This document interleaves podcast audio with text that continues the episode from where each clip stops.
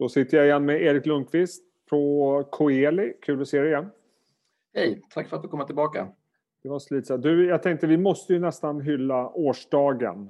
Eh, det är nästan exakt ett år sedan de amerikanska börserna S&P bottnade och sen blev det en snabb resa uppåt. Eh, hur reflekterar du över året som har gått? Ja, det går ju inte annat att vara imponerad i avseende börsens utveckling och samtidigt de här fantastiska vaccinframgångarna mitt i all bedrövelse. Mm. Eh, vi vet ju att den här uppgången vi har sett är ju den kraftigaste sedan 30-talet efter en krasch. Eh, amerikanska börsen är upp, upp mot 80 procent. Har ju fallit tillbaka något de senaste dagarna här. Eh, men, men perspektiv på det är att en genomsnittlig cykel så stiger börsen med 200 procent. Så sannolikt finns det en del kvar även om det garanterat inte kommer gå i den här eh, farten som vi har sett under det senaste året. Sen är det mycket annat som definierar det här senaste året att det är slutet på eh, någon form av ansvarsfull både fiskal och monetär politik och det kommer nog få konsekvenser under hela det här decenniet. Ja, eh, väldigt intressant och det, kommer, det fortsätter som sagt. Jag tänkte på det. Vi, vi är ju inne i en period, precis som du nämner, där vi har liksom fortsätter ha gigantiska stimulanser. Eh, inte minst nu på senare tid finanspolitiska eh, sådana med, med, gigantiska paket. Detta trots att vi faktiskt ser ett ljus i tunneln vad gäller vaccineringen som du nämnde och så vidare. Och då trycker man på ännu hårdare. Vad kommer det här innebära för den närmaste tiden på marknaden? Ja, det är klart att det är positivt på kort sikt när man stimulerar väldigt kraftigt. Eh, jag har ju slutat jämföra, eller det går ju knappt att jämföra längre de här stimulanserna med tidiga lågkonjunkturer när man, när man pratar om USA, eh, utan jag börjar likna det till krig. Jag menar, senast man stimulerade så här mycket så var det efter andra världskriget. Och där finns det ganska många paralleller att dra. Eh, utöver att man stimulerar lika mycket, så att skuldsättningen är ungefär lika hög i USA nu första gången sedan den var efter andra världskriget. Och en intressant parallell där, det är det att efter andra världskriget så hade man ju hög tillväxt med, eh, i, i, världen. Eh, men då höll man räntorna låga eftersom att statsskulderna var så höga. Och det där är intressant. Eh, så visst finns det för de här enorma stimulanserna med sig ränteuppgångar. Det vore ju konstigt om Fed inte skulle godkänna eh, att marknaden handlar upp räntorna när man kommunicerar som bullish Eh, med 6,5 procent tillväxt under det här året. Då. Så får de rätt skulle det vara den kraftigaste tillväxten sedan, sedan 80-talet någon gång. Eh, så att det är klart att det är bullish, men, men du var inne på det här med centralbankerna. Det är ju så att fortsätter man i den här takten och blir den här kraftiga återhämtningen som man förväntar sig, återöppning, sparbubbla som ska spenderas och allt det här, eh, så är det mycket möjligt att arbetslösheten i USA är ner mot 4 procent vid årets slut. Och då har man ju arbetat ikapp hela tappet under pandemin och normalt sett då så brukar ju centralbanker börja prata om att strama åt. Mm. Eh, men vi vet att Powell var ute de senaste gångerna samma sak. Han kommer inte göra någonting för 2024 och det där är ju helt nytt. Mm. Så, så, vi kommer få en marknad med eh, människor pratar om någon form av konsumtionschock när man liksom dels får komma ut på grönbete men dessutom får massa nya pengar i fickan eh, samtidigt som vi har det här ränteläget. Och i den miljön menar du så ska liksom räntan, att den ska fortsätta vara på de här nivåerna. Det låter ju lite orimligt. Ja, men eller hur. Eh, och det är klart att den kommer fortsätta stiga, men, men jag tror återigen att det här är inte början på en en flerårig trend med ständigt stigande räntor. Utan det här vi ser, det här stimulanserna är ju engångsstimulanser. Eh, så för att man ska få samma takt nästa år som man stimulerar lika mycket. Man kommer stimulera mycket nästa år med infrastrukturpaket och så vidare, men det kommer fortfarande vara mindre än de i, eh, i år.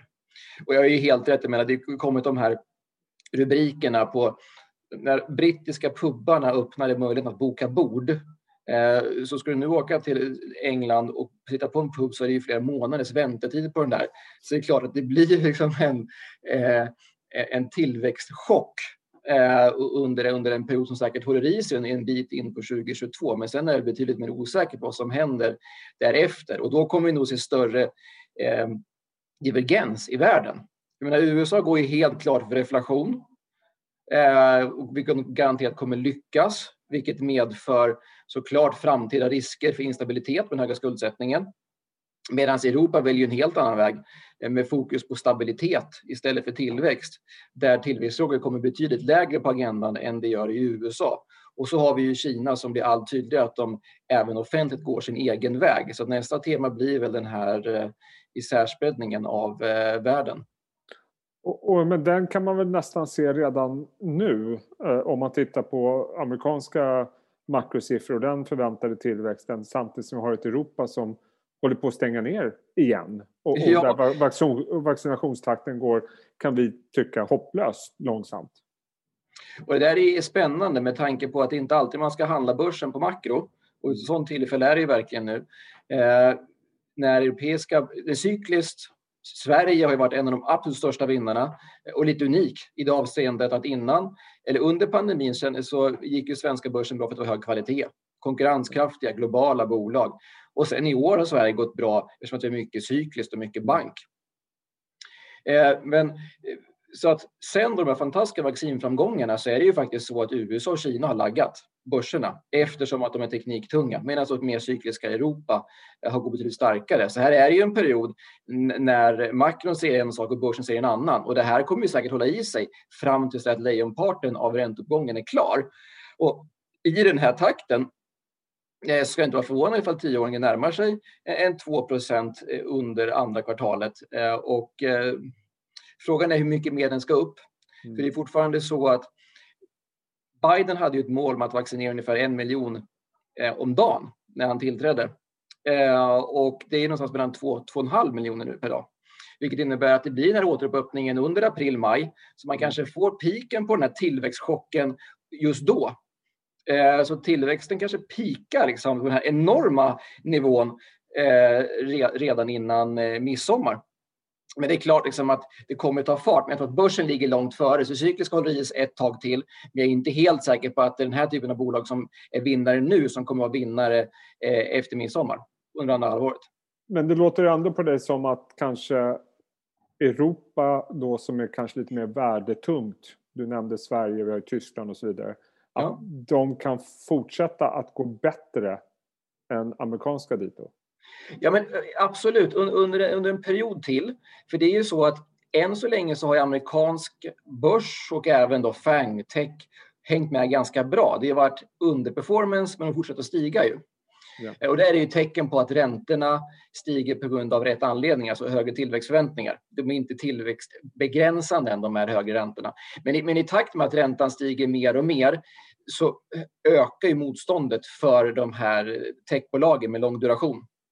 Så att risken för en, en, en korrektion där ökar ju. På samma sätt som det som gynnar de cykliska bolagen är det att liksom när någon som Fed, eh, den amerikanska centralbanken, går ut och säger att när våra tillväxtförväntan på 2021 är 6,5 procent, då sätter man en rätt hög nivå. Med andra ord, sannolikheten för den här återhämtningen ökar. Och vad gör man då som investerare? Jo, man vågar investera i de där cykliska bolagen man inte vågade investera i tidigare. Kanske de som har lite lägre kvalitet, lite högre belåning. Så därför tror jag att det här kommer hålla i sig båda de här krafterna. Både det som gynnar cykliskt och det som missgynnar eh, tech eh, och annat med lång duration. Fram tills det här temat med stigande räntor har passerat. Eh, I alla fall lejonparten av ränteuppgången är över och i den här takten är det nog det under andra kvartalet.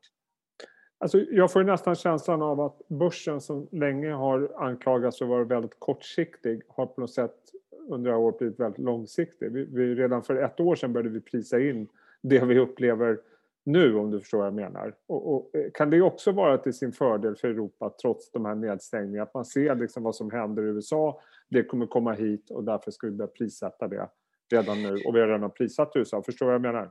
Ja, men två reflektioner på det där. Den första är att just nu är allting så bullish. Mm. Så att även som du säger, Europa stänger ner igen så ser man att den tillväxten vi förlorar nu kommer man vinna under 2022. Ja. Så därför stiger europeiska börsen.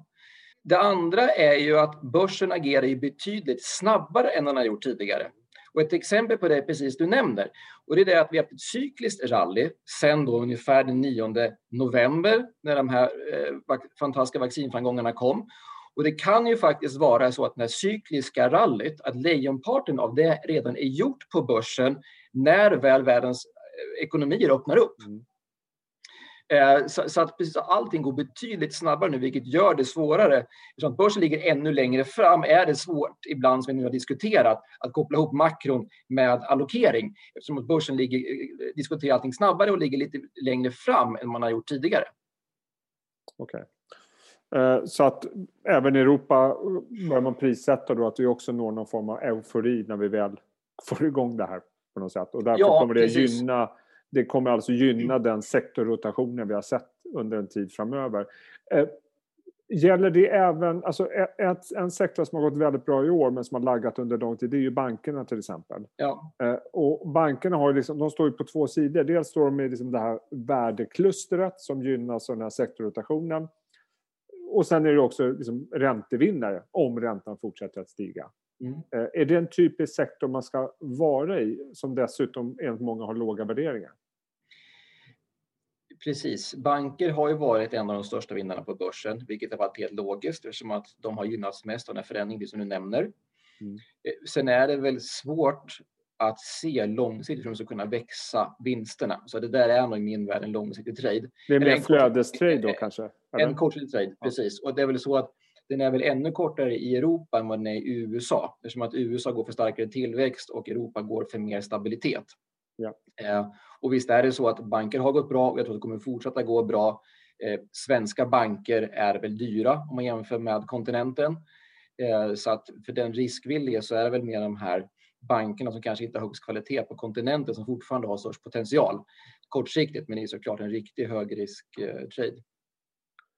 Okej, okay, så att eh, sektorrotationen fortsätter ett tag till. Vi kommer att se fortsatt stigande räntor. Eh, och det borde således gynna Europa före USA. Men om man tittar på vad skulle du säga är de stora marknadsriskerna just nu? För jag upplever ändå att konsensus är ganska överens i sin, i sin syn på börsen de kommande 12 månaderna. Ja, precis. Och det är ju det som när det är extra farligt när det råder en stark konsensus att börsen ska upp. Då ska man ju som du är inne på fokusera på riskerna. Eh, de tre sorts riskerna eh, de är ganska välkända, men jag tror fortfarande de som totalt dominerar. Det är såklart eventuella mutationer. Ja. Det är ju det här med långräntor och inflation. Och jag tror så här att långräntan har vi koll på, men vart inflationen kommer ta vägen tror jag är väldigt svårt att veta eftersom att vi är ute på helt nya vatten avseende det här med MMT. Då. Att centralbanken mer eller mindre trycker pengar för att finansiera staternas eh, budgetunderskott. Och den tredje som det inte pratat så mycket om, det är ju Kina. Nu är det ju lite oro på börserna på grund av inflation, eh, europeiska nedstängningar och att USA och Kina haft den första drabbningen med den nya administrationen i USA. Vi vet ju att demokrater och republikaner har egentligen en stor sak gemensamt, det mesta är de oense om, men de är ense om sin syn på Kina. Eh, men, men det som är stor risk när det kommer till börsen med Kina är att Kina ligger ju långt före resten av världen. Eh, den återhämtningen som vi förväntas se här i, i västvärlden eh, gjordes ju i Kina till stor del förra året. Så vi vet ju det att Kina är ju rädda för överhettning.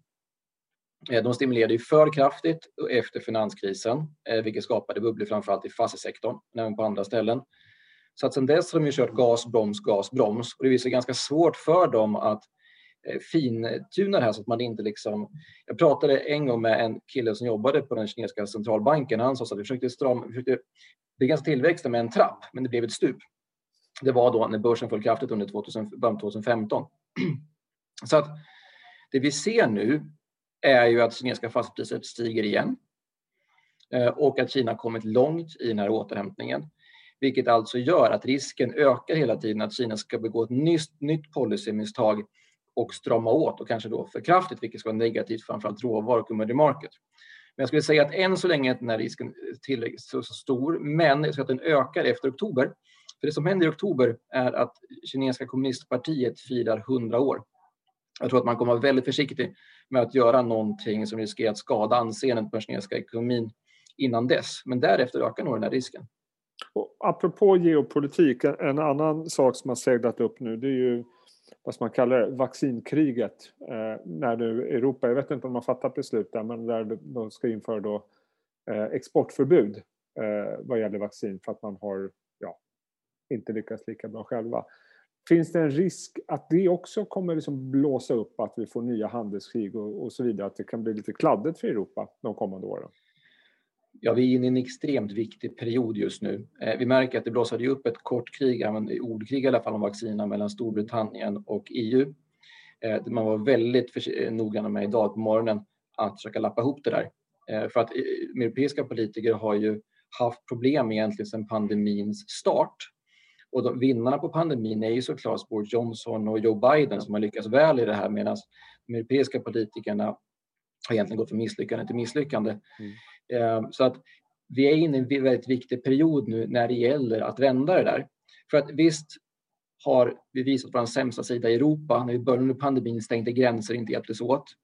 Eh, så jag tror att eh, det är som sagt väldigt viktigt nu, men det som är positivt är att tittar man på världshandeln så har den kommit tillbaka som andel av global BNP. Och det var någonting man var rädd för, att man skulle då bryta upp de här produktionskedjorna, distributionskedjorna men det har inte skett.